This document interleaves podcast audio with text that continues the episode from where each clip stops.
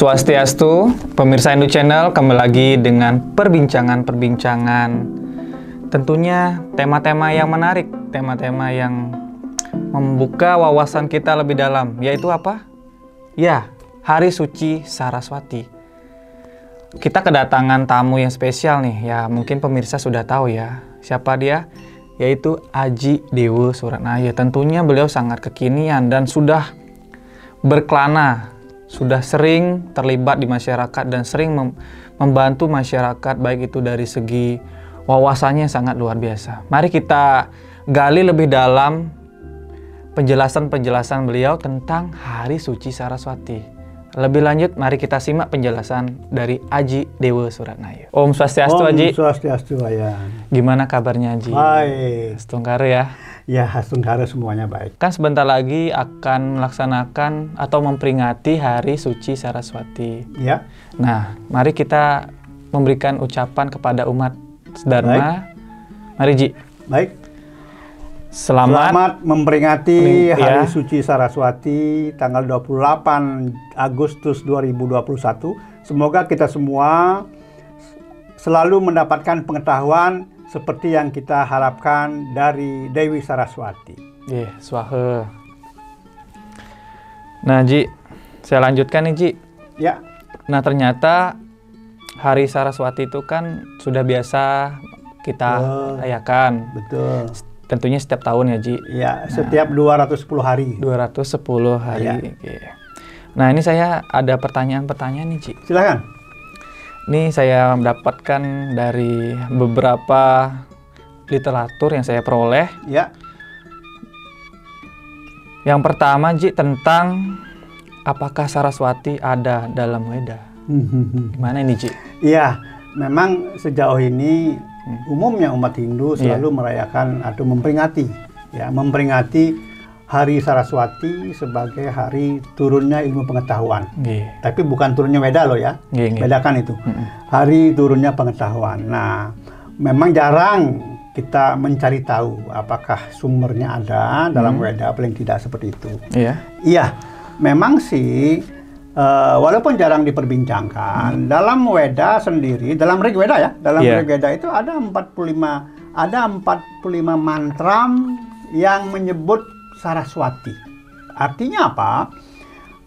Ternyata Saraswati sumbernya jelas, yaitu Rigveda. Rigveda. Hanya di dalam Rigveda, Saraswati itu disebut sebagai Dewi Sungai dan Dewi Ilmu Pengetahuan serta Dewi Kebijaksanaan. Tapi ingat Iya. juga bahwa Saraswati juga disebut Dewi Ucap atau Dewi Sabda. Nah, ini membuat sebuah pemahaman yang luar biasa. Karena apa? Karena kalau kita ingat bahwa Brahman sendiri Mm-mm. ketika menciptakan semua yang ada ini dari yang tidak ada, itu justru lewat sabdanya beliau. Jadi dengan sabdalah kita tahu bahwa sabda yang kita kenal selama ini sebagai aksara suci Iya. itu adalah aum, a u m. Itu sabda. Nah, artinya kemudian apa? Ternyata kalau Dewi Saraswati adalah Dewi Sabda, Dewi Ucap, ya, maka keterbil- keterlibatan Saraswati sudah terjadi sejak penciptaan oleh Brahman sendiri. Di dalam aksara itu berarti ada Saraswatinya. Saraswatinya. Ya, artinya apa? Lebih jauh bahwa Saraswati ternyata sangat dekat hubungannya dengan Brahman sendiri. Mm-mm. Dan pada saat itu belum ada yang katakanlah figur-figur yang lain disebutkan. Ya, Saraswati sebagai Dewi Ucap. Dewi Dan Ucap. jelas dalam Rigveda ada 45 kata Saraswati dalam bentuk mantram. Yang ini semakin mempertegas bahwa memang dalam Rigveda, Mm-mm. ya Veda yang tertua ini ada Saraswati itu dan berperan besar seperti itu. Jadi jelas Iya. dalam Weda ya pertanyaannya Wayan tadi Ji. memang ada Saraswati itu. Di dalam Weda khususnya di Rigveda. Rigveda. Sampai disebutkan 45 mantra. 45 mantra. Luar biasa. Iya, seperti itu. Nah, selanjutnya Ji, pertanyaan yang kedua. Apakah eh, Dewi Saraswati ini ada sumber lain yang yang menyebutkan mungkin atau yang membahas Iya, jadi memang eh, kalau kita bicara Saraswati dalam Rigveda sebagai sumber sastra tertua, Iya, yang ya. tertua nih. Nah, kemudian kita tahu bahwa dalam sejarah evolusi agama Hindu itu terjadilah semacam perubahan ya. Bukan perubahan yang merusak atau menghilangkan, tidak. Jadi perubahan yang menjadi perkembangan ya. Maka eh, selain dalam Rigveda, dalam Purana juga banyak disebutkan tentang Saraswati ini. Banyak sekali disebutkan Saraswati ya. Tidak hanya eh, sebagai dewi pengetahuan, Mm-mm. Dewi kebijaksanaan, dan bahkan juga Dewi kecerdasan. Nah, selain itu, pada zaman Purana, ya, itu Dewi Saraswati disandingkan, Disandingkan. disandingkan sebagai saktinya Brahma. Artinya apa? Mm-mm. Dengan kata lain ya boleh dikatakan bahwa sebelum menjadi sakti Brahma, Saraswati sudah ada Sudah ada. sudah ada Berarti dan sudah mendapat eh, katakanlah sudah eh, dipuja sudah dipuja hanya walaupun saat itu belumlah berstatus katakan demikian sebagai saktinya Brahma Saktinya. tapi dalam Purana ada jelas dalam Purana disebutkan Mungkin Haji bisa menyebutkan kisah siapa nih yang ter- sehingga dikatakan Dewi Saraswati ini terlibat. Mungkin. Ya, eh, dalam Purana juga ada cerita Iya. ketika Dewi Saraswati ini memberikan eh, atau menurunkan pengetahuan tentang Weda, ya, menurunkan pengetahuan tentang Weda kepada seorang resi namanya Risi Kawasa. Beliau ini seorang resi yang berasal dari Sudrawangsa. Nah, kemudian ternyata Dewi Saraswati mendapat protes Dari? dari sekelompok resi dari Brahmana Wangsa. Alasannya kenapa? Alasannya karena Weda itu kan tidak boleh diturunkan kepada Sudrawangsa. Iya. Nah, kemudian Dewi Saraswati mengatakan tidak demikian halnya. Weda boleh diajarkan, disampaikan kepada siapa pun. Hmm, Ini iya, betul. terkait dengan yang Jurweda yang mengatakan bahwa kepada orang asing pun Weda wajib apalagi bisa disampaikan. Iya. Itu yang pertama. Ada lagi kisah yang menarik lain dari Dewi Saraswati ini. Ketika suatu ket- eh, hari Dewi Saraswati menjelma sebagai seorang gadis muda, mengajarkan atau sebagai guru Guru. yang mengajarkan beberapa atau banyak resi-resi yang usianya jauh lebih lebih eh, tua dari Dewi Saraswati. Itu juga beliau mendapat protes. Bagaimana mungkin seseorang atau seorang guru yang lebih muda mengajarkan pengetahuan kepada siswanya, siswanya Iya, yang siswa. jauh lebih tua. Betul. Dan di sanalah kemudian Dewi Saraswati menjelaskan kembali bahwa seorang guru walaupun usianya muda, tapi kalau dia memang betul-betul menguasai pengetahuannya, Iya. tidak salah kalau punya siswa-siswa yang usianya lebih tua. Hmm. Lebih tua. Tidak ada masalah. Iya. Seperti itu. Untuk waktu perayaannya kan khususnya di Nusantara ya, Ji. Ya, Ya, khususnya Hindu Nusantara ini. Mengapa Saraswati itu hari Sabtu Manis ke Batu Gunung? Ini menjadi pertanyaan selalu di Iya. masyarakat, baik tuh di pemuda juga, Ji. ya. Kenapa tidak di hari lain? Oh, kan sama gitu. saja harinya. Jadi begini, hari Sabtu manis Watu Gunung Oke. itu bukan sembarangan dipilih dan disepakati oleh tokoh-tokoh Hindu di Indonesia di Nusantara ini.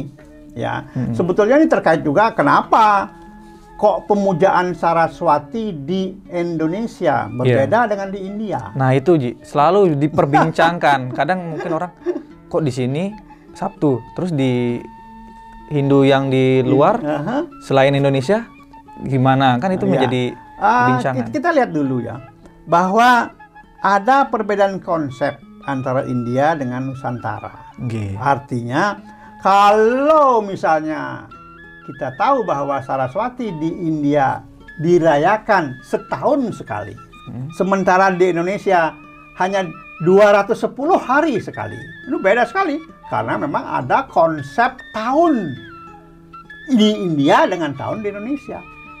Secara Hindu ini, Mm-mm. kalau di India setahun itu 300 sekian hari, ya Hmm. 360 hari misalnya, Iya. ya setahun ya. Hmm. Itu kan dasarnya adalah matahari berdasarkan solar system.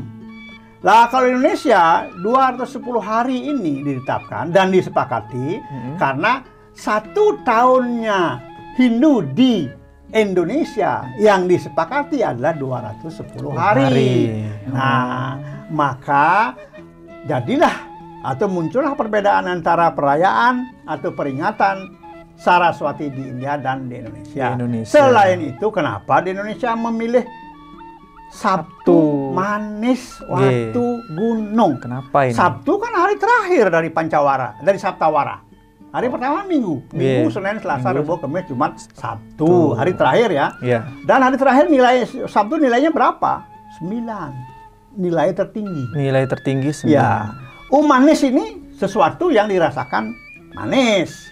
Orang Jawa Oh, bilang legi, legi. manis ya. Mm-mm. Dan Ya, betul. memang pengetahuan itu kan membuat kehidupan ini semakin manis, semakin nikmat, semakin nyaman, semakin dirasakan. Hmm. Seperti apa sih pengetahuan dalam kehidupan ini? Membawa sesuatu yang luar biasa yang memberikan hidup ini enak, nyaman, statusnya pun luar biasa.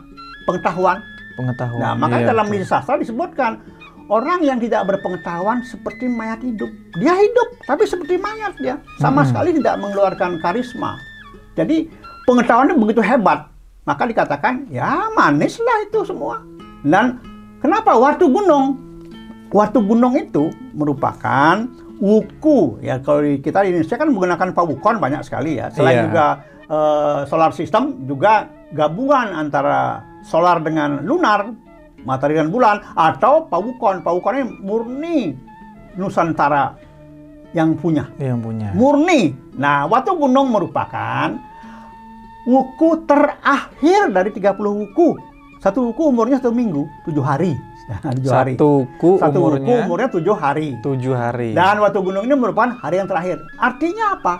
Kalau orang sudah mendapat pengetahuan pada akhirnya, Iya, yang Pak. terakhir sekali dirasakan apa? Ya manis tadi, nikmat tadi. Kenikmatan. Betapa pengetahuan itu luar biasa membawa karis eh, karisma dan membuat orang menjadi karismatik dan membuat orang itu punya posisi apa pun namanya di masyarakat luar biasa Hmm. sebagai orang yang sangat dihormati.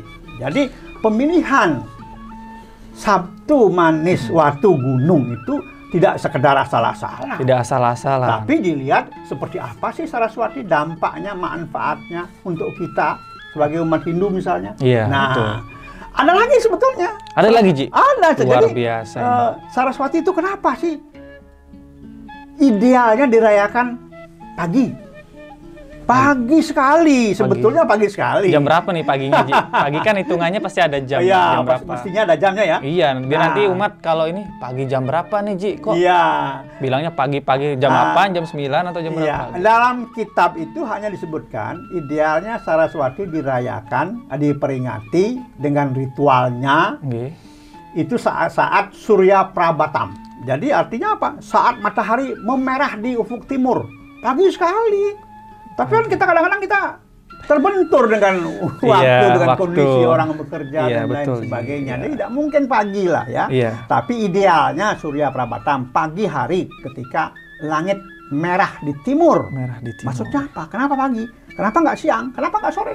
Nah, itu sebetulnya terkait dengan keyakinan dan kepercayaan atau cerita bahwa penciptaan alam semesta ini memang dimulai pada pagi hari.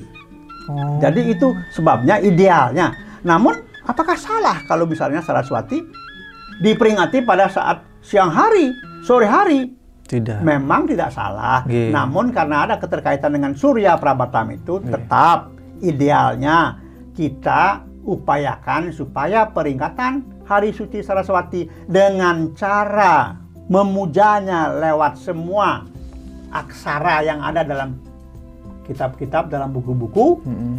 terutama dalam pustaka suci Inggih, ya pustaka suci. itu sebelum tengah hari kita upayakan sebelum tengah hari ya dan menurut sastranya sampai dengan tengah hari kita diingatkan supaya tidak membaca kitab-kitab itu setelah lewat tengah hari boleh Bentar, saya potong sebentar, Ji. ya Ka- kan biasa sering ini saya dulu sekolah nih. Ya. Pas hari Raya Saraswati katanya tidak boleh membaca buku.